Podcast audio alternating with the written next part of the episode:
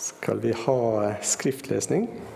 Skal vi begynne med å si Gud, åpne våre hjerter og sinn, slik at vi, når ditt ord blir lest og forkynt, med glede kan høre hva du vil si oss i dag. Gud, vi ber. Amen. Ja, då kan vi røyse oss. Skal vi begynne med å lese fra Salme 103, og der leser vi vers 8-14 i Jesu navn. Barmhjertig og nådig er Herren, sen til vrede og rik på miskunn. Han anklager ikke for alltid og er ikke for evig harm. Han gjør ikke gjengjeld for våre synder. Han lønner oss ikke etter vår skyld. Så høy som himmelen er over jorden, så veldig er hans miskunn over dem som frykter ham. Så langt som øst er fra vest, tar han synderne våre bort fra oss. Som en far er barmhjertig mot sine barn, er Herren barmhjertig mot dem som frykter ham. For han vet hvordan vi er skapt. Han husker at vi er støv. Det var ordet fra Salme 103. Skal vi lese noen etter hvert ganske kjente vers? Så i Galaterbrevet 5, vers 22-23. Men åndens frukt er kjærlighet, glede, fred, overbærenhet, vennlighet, godhet, trofasthet, ydmykhet og selvbeherskelse. Slike ting rammes ikke av loven. Dette er Guds ord til oss i dag. Ok, ja, så, og så godt å se deg, og deg og deg, alle sammen. Uh, I mitt land det er litt det samme situasjon som Ruud snakket om. Det er ikke lov å samles, og alle sitter foran PC-en hjemme. og det er en helt annen sak. Så jag är extremt tacksam för det att vi får lov att komma samman. Eh, det är en flerkulturell söndag idag. Jag är inte norsk heller. Så hvis ser sier noe som inte är helt klart, det beklagar jag. Därför ska jag se ganska ofta på skärmen. För jeg stod inte på mitt, min grammatik. Så jag skrev ner en god del. Okay? Så Menigheten jobbar för tiden med Ondens frukt i form av en taleserie. Det har vi hört om. Och vi diskuterade samma tema eh, i i smågrupper. Taleserien tar utgångspunkt i de som Arve läste upp. Men undersökt är kärlighet, glädje, fred, överbärenhet, vänlighet, godhet, trofasthet, ydmykhet och självbehärskelse. Slike ting rammes icke av loven. Jag har fått uppdraget att forsyne dere om överbärenhet eh, eller langmodighet utifrån Bibeln, utifrån Guds ord. Jeg tror det er lurt å begynne med et sånn panoramabilde. Vi skal se på åndens frukt i sin helhet. Etterpå vi skal zoome inn på overbærenhet og snakke om noe som er veldig viktig og nødvendig for å produsere denne frukten. Og til slutt vi skal komme forhåpentligvis til noen konklusjoner i avslutningen. Eh, hvis alt går greit, jeg skal bruke ca. 25 minutter av din dyrebare tid, så takk for at du følger med. Så dere har allerede hørt fra talerstolen i dag at åndens frukt er Guds karakteregenskaper som kommer til syne i en kristen. Hva vil det si? Det er naturlig at man ligner på foreldrene sine. Vi kristne påstår at Gud er vår himmelske far. Jeg har lagt merke til i det siste at jeg ligner mer på min far enn jeg trodde det før. Jag står upp, går till badet för att barbera mig och när jag ser mig i spelet, av og til är jag överraskad att hur lik jag är min far. Uh, vi pleier att ha noe med våra föräldrar. Tonefall, metakommunikation, metakommunikasjon, noe vanor. Det är helt naturligt. Gud introducerar sig i Bibeln som en Gud i tre personer. Så Han har därför personliga egenskaper, och det är lika naturligt för en kristen å ligne på Gud som får mig att likna på min far. Vi må tro lite försiktigt här och icke lage noe vranglære. Så är vi icke allmektige, så långt jag vet. icke allvitande och icke allstede. Men vad är det på norsk? Allsides närvarande. Det är icke vi. Men ondens frukt, det får vi del i. Paulus skriver till en menighet i Korint att vi som utan slöja för ansiktet ser Herrens härlighet som i ett speil, vi blir alla förvandlade till detta bilde, från härlighet till härlighet, och detta sker ved Herrens ånd. Han säger att vi blir alla förvandlade till detta bilde. Och Det sker i löpet av en livslång process som kallas helgjurelse. Vi begynner försiktigt efter att man blir frälst och blir född på ny, och blir mer och mer synlig när åren går i kristenlivet. Det er en langsom vekst. Raskere på noen områder og saktere på andre. Denne prosessen er livslang, og vi blir fullkomne kun i himmelen. Så ikke vær så veldig overrasket når du ser feil og synd i andre kristne sin liv, eller i ditt eget liv. Det er en lang prosess, men det er en synlig prosess. Jag vill göra dig uppmärksam på två ting till om åndens frukt för vi ser närmare på överbärenhet. Den första, att alla som är födda på denna jorda, bär några eh, aspekter av åndens frukt i sin karaktär. Alla människor, var enaste människa, är skapt i Guds bild och har mycket gott i sig. Jag känner många som är bättre och snällare än jag är, på trots av att de har ikke något med Gud att göra. Det är bara sånt. Åndens frukt i sin helhet kommer likväl kun fram med Guds hjälp, kun i troende kristna. Det är noe med denna kombinationen, med de nio egenskaperna. egenskaper. Den kombinationen är unikt som ett fingeravtryck. Kanske noen ville vara uenig med mig, men det är slik jag förstår Guds ord. Om du är uenig med mig, så bara kom till mig efter gudstjänsten och vi kan prata om det över en kopp kaffe. Eller två, eller tre. Åndens frukt nummer to. Åndens frukt i våra liv er ikke ment for oss selv. Har de noen gang sett et tre eller en busk som spiste opp sin egen frukt? Jeg tror ikke det. Åndens frukt må alltid forstås i relasjoner. Den är en god gave från Gud till oss, så kan vi välsigna andra med den. och till slut det ska bringa ära till Gud. Så vi vet att åndens frukt är Guds karakter som genomstrålar alla kristna. Vi vet att frukten i sin helhet finner man icke annat sted än i kristna. Den visar sig gradvis, och frukten är ment för att brukas i mänskliga relationer, i livets görme och strev, hver dag där ute, ikke bara här inne.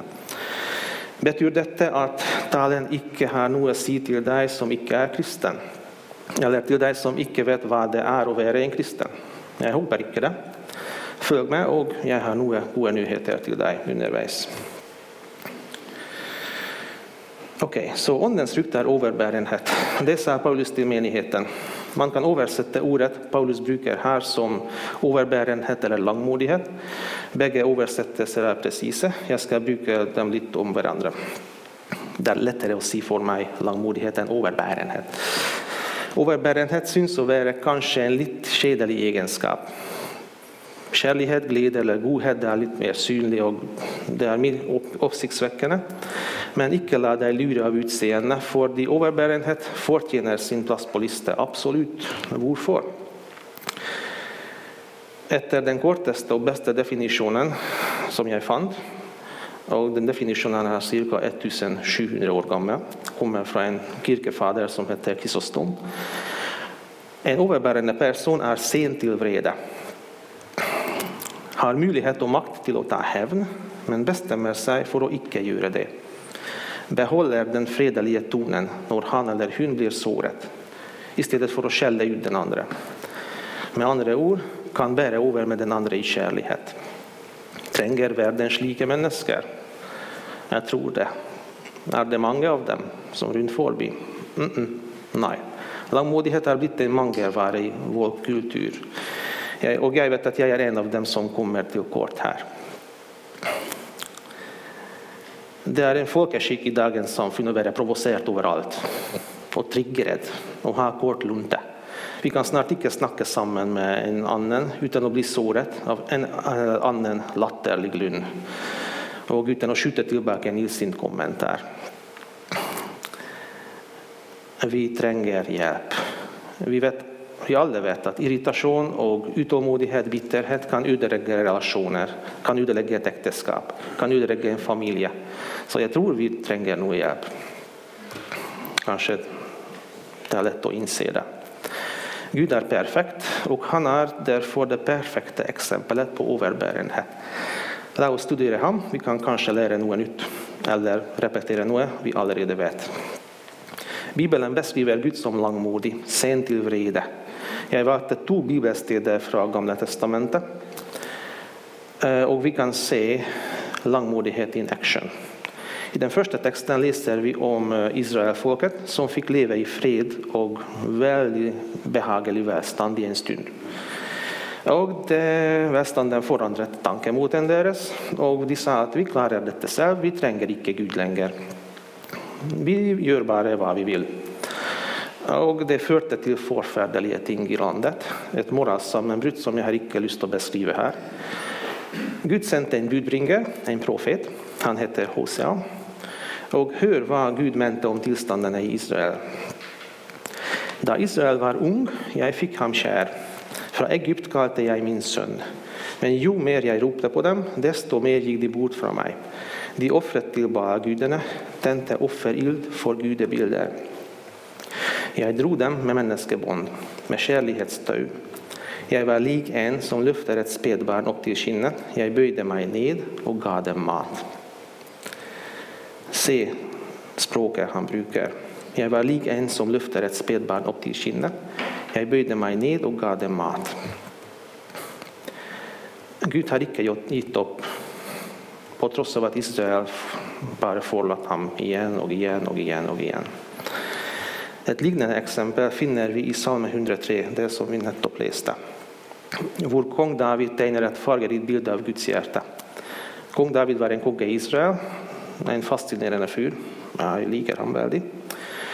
Eh, han skrev en god del psalmer och du finner livshistorien hans i Bibeln.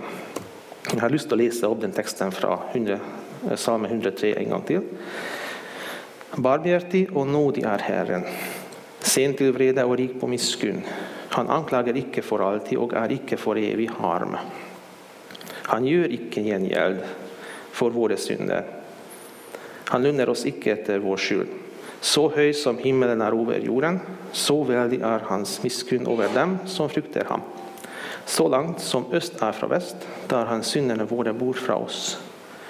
Som en far er barmhjertig mot sine barn, er Herren barmhjertig mot dem som frykter ham. For han vet hur vi är skapt. Han husker att vi är stöv. Se den beskrivelsen här. Vi kan se essensen av Guds karaktär. Gud kallar synd för synd. Han är icke ettergivande, men han är rättfärdig. Han är samtidigt sent till vrede och rik på miskunn. Oops, nu tok jag en gång for mye. nej. Eh, det är viktigt att huska på det att han gjør ikke gjengjeld for våre synder. Det er ikke lik. Vi kan gjøre hva vi vil. Det er like greit for Gud. Det er et viktig poeng at overbærenhet er ikke det samme som likegyldighet. En likegyldig person står aldri opp for noe.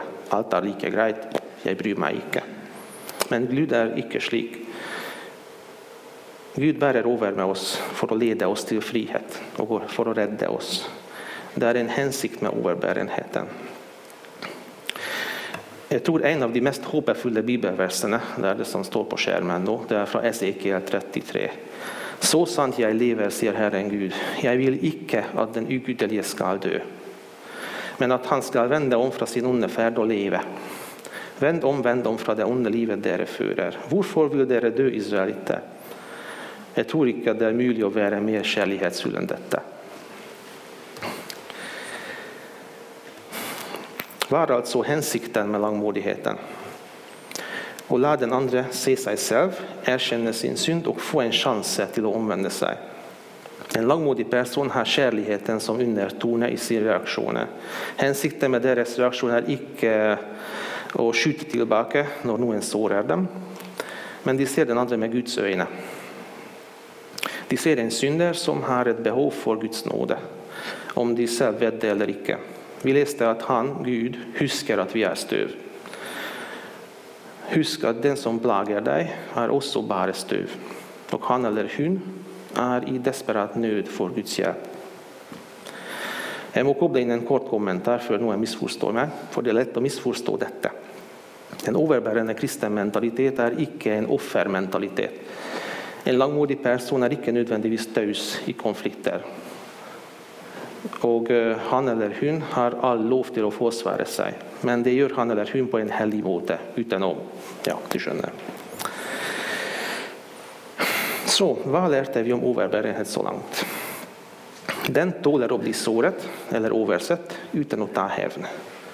Overbærenhet har sina rötter i en typ av kärlighet som ser den andra personen med Guds ögon och vill göra allt för att kunna rädda den andra parten från fortapelse. Overbærenhet svarer ikke på ondskap med ondskap.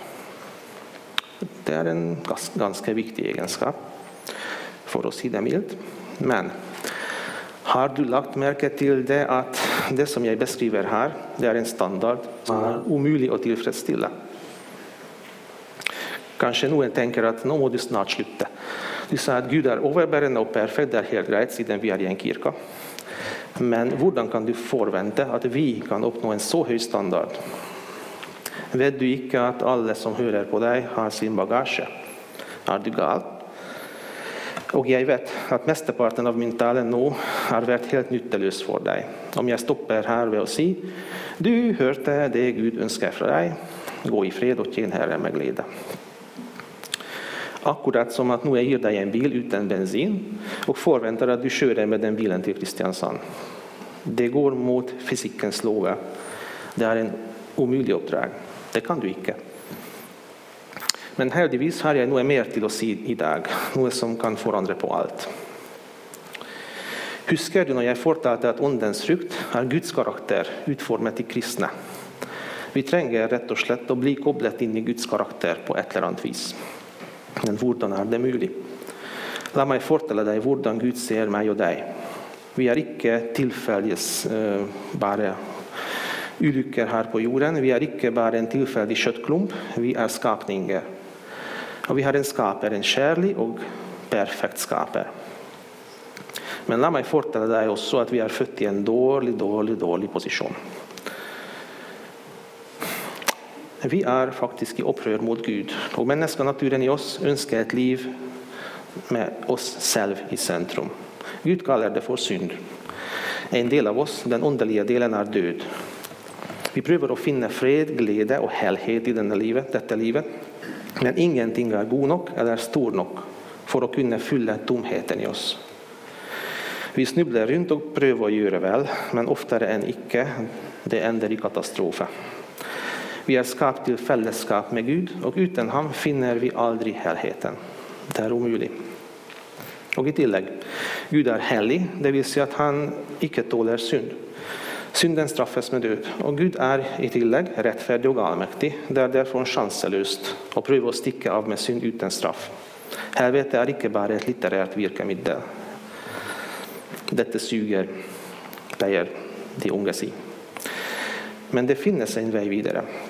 Dina och mina synder kan avskaffas. Gud vill adoptera oss i hans familj. Upprätta det förhållet ingen andra förhåll kan ersätta. Vi kan bli virkelig levande. Gud, i sin enestående kärlighet sände Jesus sin son, till världen. Jesus var 100% Gud och 100% människa och levde det livet vi borde ha levt. i perfekt fällskap med Gud. Han var utan synd, men han tog min och din plats vid tilltalebänken och dödade en död på korset. Det vi förtjänar. Gudfadern reste honom upp från döden efter tre dagar och vi har fått en chans. Vad må jag göra, spör du. Om du erkänner att du är en synder, om du sätter ditt hopp i Jesus framför alla dina goda gärningar och du stolar på honom som din frälsare, får du icke det du förtjänar att få, men det Jesus har förtjänat ska bli gitt till dig. Du ska bli Guds barn. Gud den helige ånd ska ta bolig i dig. Han sätter din fot på nya vägar och bringar en så stor förändring i livet att alla som ser det, blir förundrade. För så höjt har Gud älskat världen att han gav sin son, den enbårne, för att världen som tror på honom icke ska gå förtappt men ha evigt liv. Gud sände icke sin son till världen för att döma världen men för att världen skulle bli frälst ved ham. Den som tror på ham, blir icke dömd, Den som icke tror, är allerede för de han icke har trott på Guds enbårne Söns namn. Det sa Jesus till en av ledarna i Israel i en samtal du kan finna i Johannes evangeliet. Det du hørte nå nettopp, kallar kristna för evangeliet. Ett radikalt budskap om att vi alla är så fullständigt ödelagda, att Guds son måtte komma till jorden för att rädda oss. Men også om at han elsket oss så høyt at han var villig til å komme og døde for våre synder. Natten før Jesus ble spikret til korset, var han sammen med sine disipler i en hage som heter Getsemani. Judas, en av hans disipler, forrådte ham og ledet en stor gruppe med soldater og andre folk til hagen. Planen var å arrestere Jesus. Jesus stilte et spørsmål til Peter som kan forandre et liv hvis noen virkelig inntar det. Tror du ikke jeg kan be min far, og han ville straks sende meg mer enn tolv legioner engler? Men hvordan skulle da Skriftene oppfylles, de som sier at dette må skje? Skjønner du hva skjer her? Jesus var Gud i menneskekropp, han var allmektig. Og Skriften sier at når soldatene gikk dit, introduserte Jesus seg, og hele flokken rygget tilbake og falt i jorden fra kraften Jesus hadde i seg. Men Jesus brukte ikke denne kraften til å forsvare seg. Nei, Han ba ikke Faderen om å sende 62 000 engler heller. Jesus tillot hans fiender å ta ham bort, piske ham, anklage ham uten grunn, torturere ham, drepe ham ved korsfestelse. Og det som er viktigst i dag, han tålte alt for at ved hans døde oppstandelse skal hans fiender kunne få tilgivelse og liv. Det kan man kalle overbærenhet. Nei. Han gjorde det for meg. Han gjorde det for deg. La det synke inn. Når man får øye på evangeliet, är den eneste meningsfulla reaksjonen å bøye kne og ta inn hvert ord Jesus sier. Han er kongen, han er Gud. Drivstoffet som gjør det mulig for oss å leve etter Guds vilje, är det gamla evangelium. Tacknämligheten till Jesus är den enaste kraftkilden jag vet om, som kan göra oss i stand till att bära åndens frukt. Evangeliet har också en annan väldigt fascinerande effekt. Det hjälper mig att se mig själv med Guds ögon.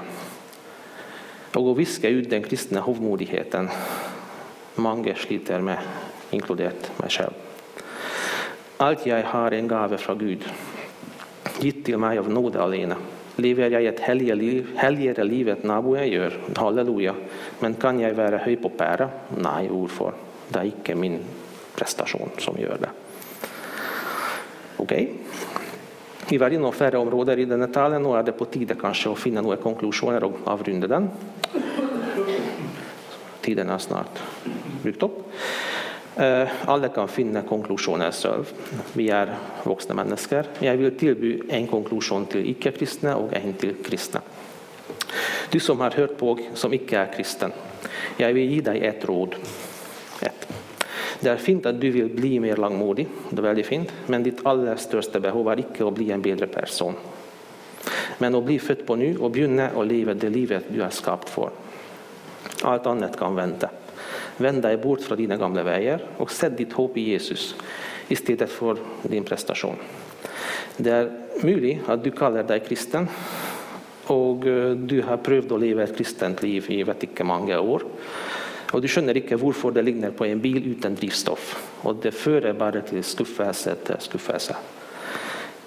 Jag som står på talarstolen är lik en tigger som fortäller till dig, till en annan tigger, hvor noen deler ut gratis brød. Det fins noe som er gratis og kan redde deg. Hvis Guds ånd overbeviste deg om at du trenger gratis brød, du trenger Jesus, vi er her for å hjelpe deg. Du kan prate med meg eller med forbedere etter gudstjenesten. Og til deg som er kristen, til meg som er kristen. Bibelen setter åndens frukt i en kontekst, en kristen livsvandring. Paulus fortäller att två to krefter ligger i strid med varandra i dem som tillhör Jesus. Den gamle menneskenaturen och det nya livet med Guds ånd. När Gud tar bolig i noen, får de nya möjligheter och nytt ansvar. Eh, som nu, när du uppdaterar telefonen och etterpå du ser att du har fått ett nytt ikon på skärmen. Oj, det var inte här för. Du kan nog välja att leva efter Guds vilja i olika situationer, men valet är ofta ditt. Gud vill inte tvinga dig att bruka den nya appen. Och vi kan fort komma till en fel konklusion. Jag är frälst, jag kan nog leva hur jag bara vill. Jag har ett litet spörsmål till dig, om du tänker så.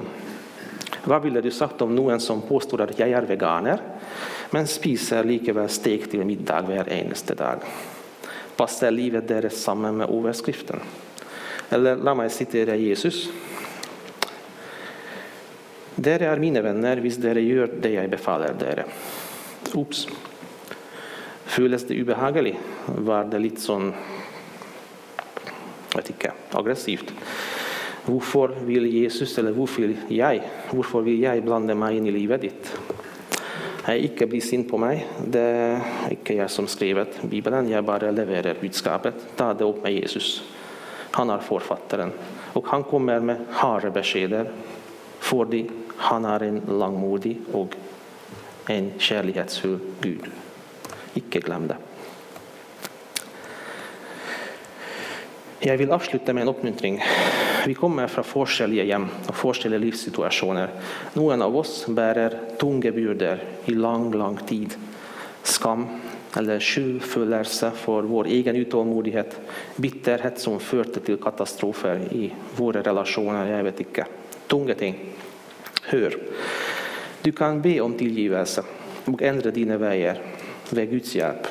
Gud står bak sitt ord så hög som himmelen är över jorden, så väldig är hans misskund över dem som fruktar ham. Så långt som öst är från väst tar han synderna våra bort från oss. Någon andlig sliter i relationer hvor de blir såret eller oversett. Hör, du har en frälsare som förstår din smärta. Han levde på jorden och blev förlatt, förrått, trakasserad, mobbet, drept, hela packet. Han står samman med dig och förstår vad du snackar om. Rop på han, ös ut ditt hjärta och hans fred som övergår all förstånd skall bevara ditt hjärta och tankar i Jesus Kristus. Vi lever nu i extraordinära tider. Jag vet inte, ingen av oss vet, hur vårt land och vår värld kommer till att se ut efter pandemin. Vi har inte pejling. Men världen är i förändring. Stressnivån i samfundet ökar i takt med osäkerheten. Det märker vi alla, tror jag. Och alla är sårade och alla sårar andra. Gud vill sända ut sitt folk för att göra en forskel. Och vara annorledes och ligga och icke såra. Och vara salt och lys och bära Andens frukt. Så gå därför i fred och tjän Herren med glädje.